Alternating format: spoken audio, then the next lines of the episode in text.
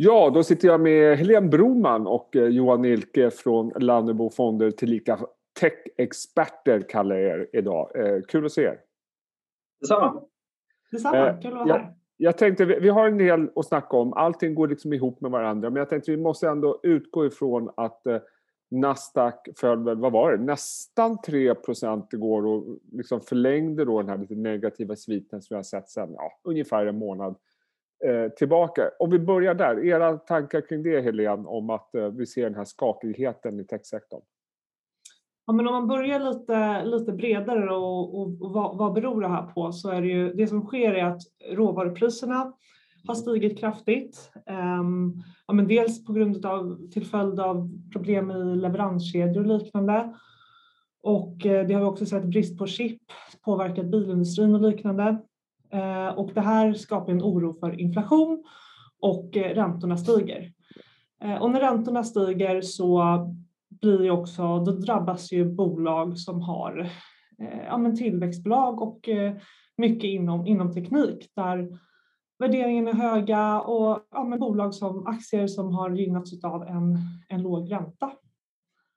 Så, så, att det är den här klassiska sektorrotationen då som alla pratar om. Hur, hur, har ni själva tänkt kring det här Johan? Har ni agerat på något speciellt? Har ni liksom stuffat om i portföljen som aldrig förut eller hur går ja, nej, jag, jag, tycker också, jag tycker också det är, det är det här vi har sett eh, redan tidigare i år eh, där vi har sett lite sådana tendenser att det rotation så fort räntan, räntan tickar upp det minsta så blir det en ganska stor rotation ut ur, ur framförallt tech men, men i tillväxtbolag generellt. Men, och där tycker jag är lite, lite fel att, att, att dra alla dem över en kam. Jag brukar ganska ofta prata om det, att det är fel att bunta ihop.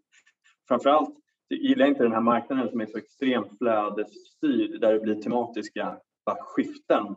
Men det är så vi, det vi lever med nu. Men där tycker vi att vi kan kan då passa på att titta på bolag som, som faktiskt inte har så höga värderingar men som dras med i det här fallet eller inte har sina vinster väldigt långt fram i tiden. Utan då kan vi passa på att öka i de, de bolagen istället. Och, och tech är ju inte bara, bara tillväxt utan det är ju, det är på gränsen till value i många fall i dagsläget också. Det är väldigt fina, fina vinster och utdelningar till och med. Och det är ju verkligen, du har ju helt rätt. Jag menar, så här är det för många sektorer att man tar liksom en sektor och ser det som en sektor och så ser man i början av sådana här rörelser inte de eh, liksom urskiljer. Alltså, att Zoom går ner mycket, det kanske man kan förstå eh, med tanke på att det har varit en tydlig coronavinnare. Men om man tittar då på liksom, hur ni ser framöver på vinnare och förlorare. Jag vet en sektor ni har pratat väldigt mycket om, det är ju säkerhetssektorn till exempel. Och, och det känns ju inte som att den marknaden försvinner i och med att alla är vaccinerade. Eh, nej, nej, men precis. Och där tänker vi också mycket nu när en digital infrastruktur har, har byggts upp och inte minst nu under, under coronatider mm. att eh, efterfrågan på digital säkerhet kommer ju bara fortsätta öka och vi ser ökade kostnader för företag för olika typer av IT-attacker. Så det är ett super, superintressant område. Eh, men andra, andra liksom tematiskt är också hälsovård eh, till exempel. Där tror man också det kommer ske rätt mycket investeringar framöver kan man ju förvänta sig. Ehm, ja, så det, finns ett antal, antal områden inom teknik som vi kanske tror på eh, ja, men mer, mer just nu och som kommer ha en, en, eh, ja, en, en, bra framtid. Så det, det, det, blir otroligt viktigt med stockpicking i det här läget och det kan ju faktiskt dyka upp en hel del intressanta lägen i den här rotationerna för det är mycket som också dras med på en, på en allmän, allmän oro. Mm. Och vi som liksom har fokus på vi fokuserar på lönsamma bolag eh, och, och, och undviker liksom förhoppningsbolag. Och, men det, det, finns, det finns faktiskt en del intressanta lägen som dyker upp. Och, och påminn mig Johan, jag vet att du och jag har pratat säkerhet förut. Exempel på något av innehaven ni har i exponering mot där?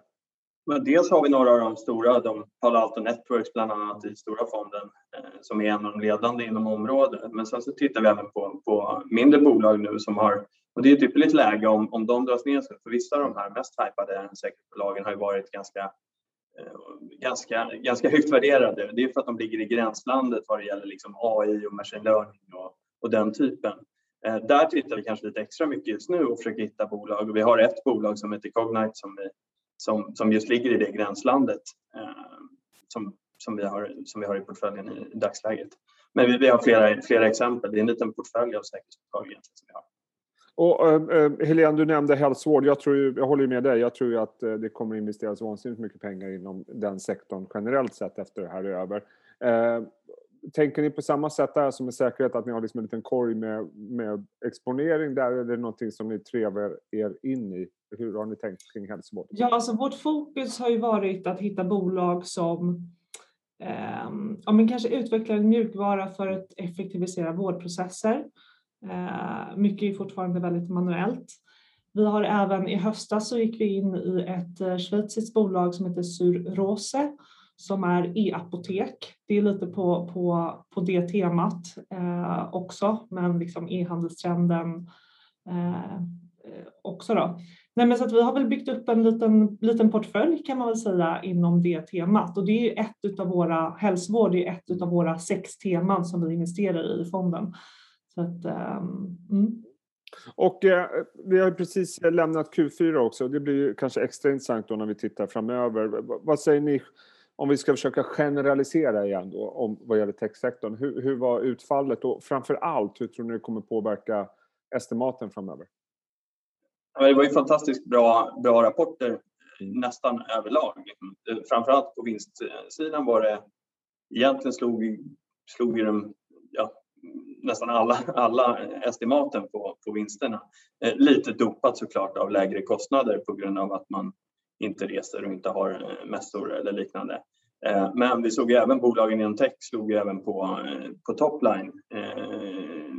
Inte lika mycket men, men, men det var även bättre resultat. Däremot så reagerade aktierna kanske inte positivt på det här. Trots att, eh, trots att man slog i sig maten och mycket av det berodde på eh, vad bolagen sa om framtiden.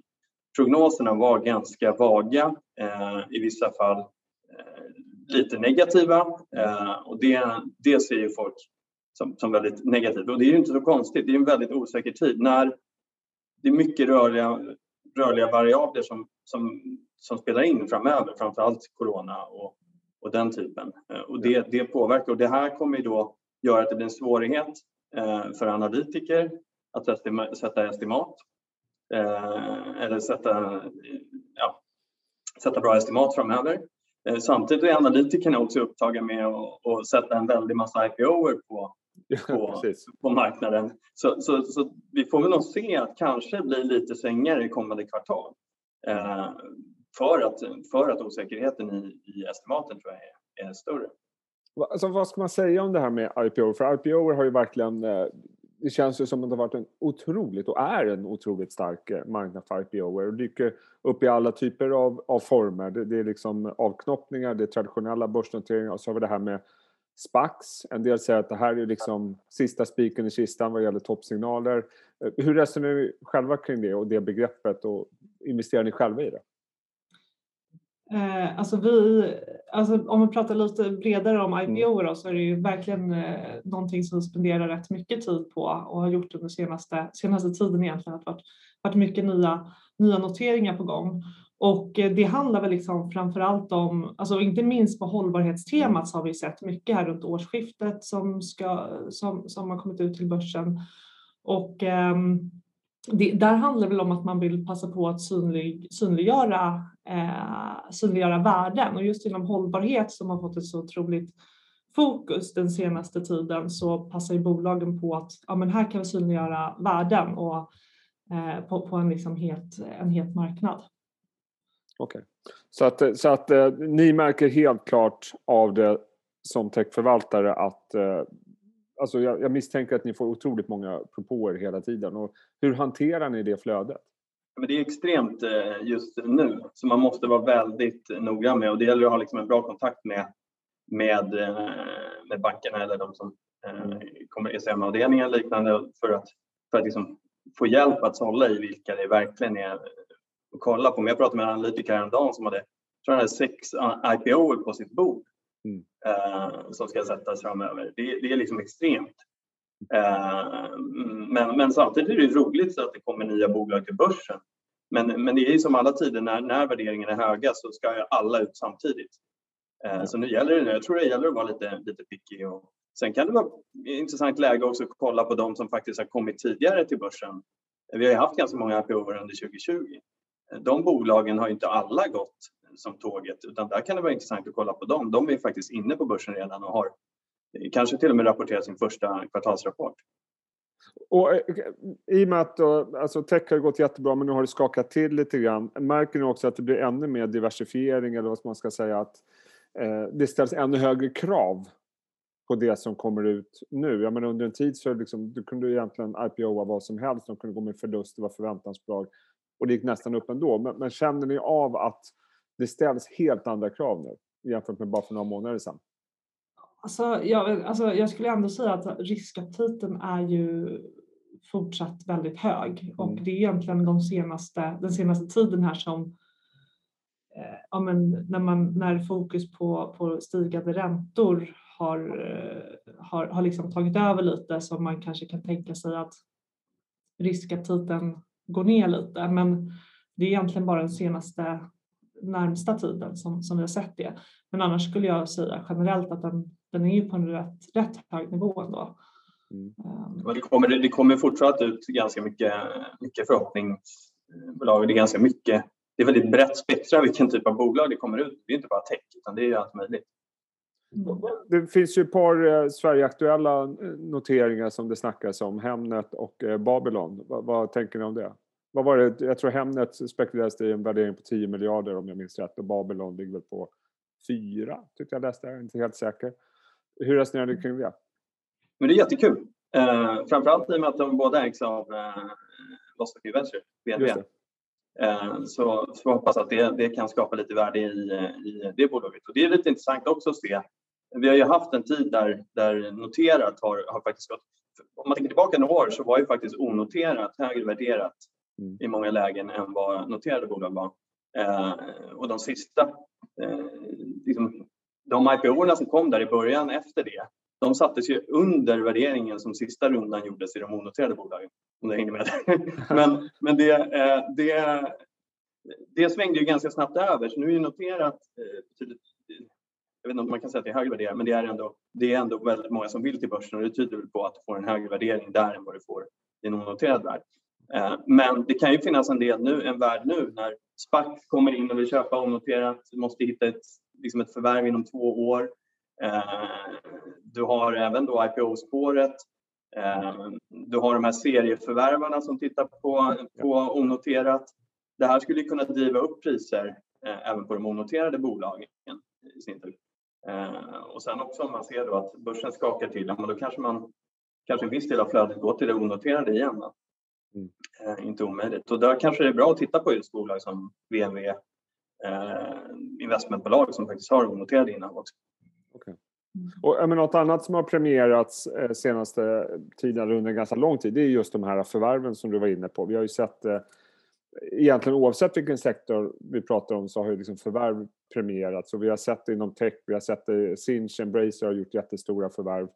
Eh, min enda fråga kring det egentligen det är att jag får lite känslan av att så fort ett bolag gör ett förvärv, reaktionen blir omedelbar på börsen, man handlar upp det och jag ska vara lite elak så känns det ibland som att man tar den nya omsättningen, adderar på den gamla och så tänker man wow, vilken kurva. Analyseras det så väldigt mycket av de här nya bolagen som förvärvas? En stor del av det bygger på att du har en valuta som är väldigt stark, alltså din, börs, eh, din börsvärdering. Så du handlar bolagen på aktierna. Får du nu en börs som skakar till där du kanske får ner den lite, ja men då blir det ju en liten, liten annan fråga. Mm. Och framförallt om de här onoterade blir större konkurrens om, så då har du press från två håll. Din valuta går ner och du har sett en ökad värdering, alltså det är fler, större konkurrens om de förvärven. Det kan ju sätta lite press. Sen mm. beror det också på var, varför du gör de här förvärven, på vilket sätt du gör de här förvärven.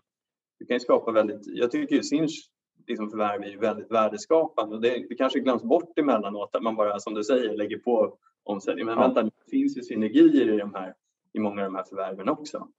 Eh, Medan andra kanske är att man bara staplar bolag på hög och sen mm. mer av det som du pratar om. Så jag tror att det, det finns olika typer av förvärv och det kommer det fortsätta göra. Mm. Mm.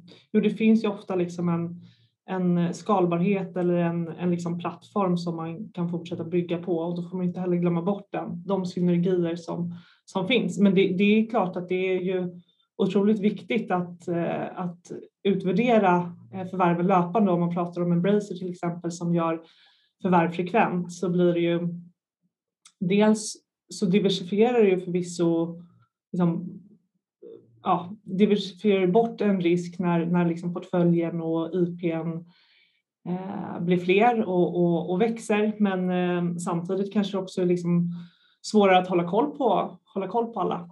Eh, så är det ju. Mm. Men, men avslutningsvis då hörni, eh, nu, nu har vi som sagt det här med eh, sektorrotation, stigande räntor, inflationer och råvaror och hela midvippen.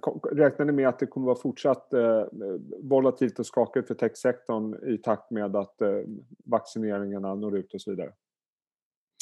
Ja, alltså det får vi nog räkna med att det blir en fortsatt osäkerhet och det är jättesvårt att spekulera om inflation och, och räntor och liknande. Men det man kan väl säga är, ja, men som vi såg nu i Q4-rapporterna, prognoserna är eh, osäkra, bolagens utsikter alltså för, för kommande tid är osäkra. Det skapar ju också då lättare större volatilitet och, och avvikelser från marknadens förväntningar. Så jag tror att vi får, vi får nog räkna med att närmsta kvartal blir, blir mer, mer skakiga. Mm. Men sen är ju, digitaliseringen är ju inte över. Jag tror, tror inte. Vi, vi, ser ju, vi ser fortsatt liksom räntor som så, så, eller vet du, tillväxt som, det är, ingen, det är ingen fantastiska tillväxttal vi ser bara för kunna det här rent generellt i liksom, global ekonomi. Så, så, och tillväxt är det som på sikt driver liksom, eh, aktiekurser och värden. Så, så jag tror ju fortsatt, liksom, bara man blickar framåt och, och vågar liksom, ta, titta liksom, lite djupare nu. Och det är på något sätt nyttigt att risk har blivit en del i spelet igen. Det har det inte varit på ett tag. Så, mm. Ja, det kan ju vara lite mm. nyttigt kanske att vi pratar om det igen. Eh, Johan Irke, Helene Broman, oerhört kul att se er. Eh, hoppas vi hörs och ses snart igen. Kanske utomhus nästa gång, vad vet jag.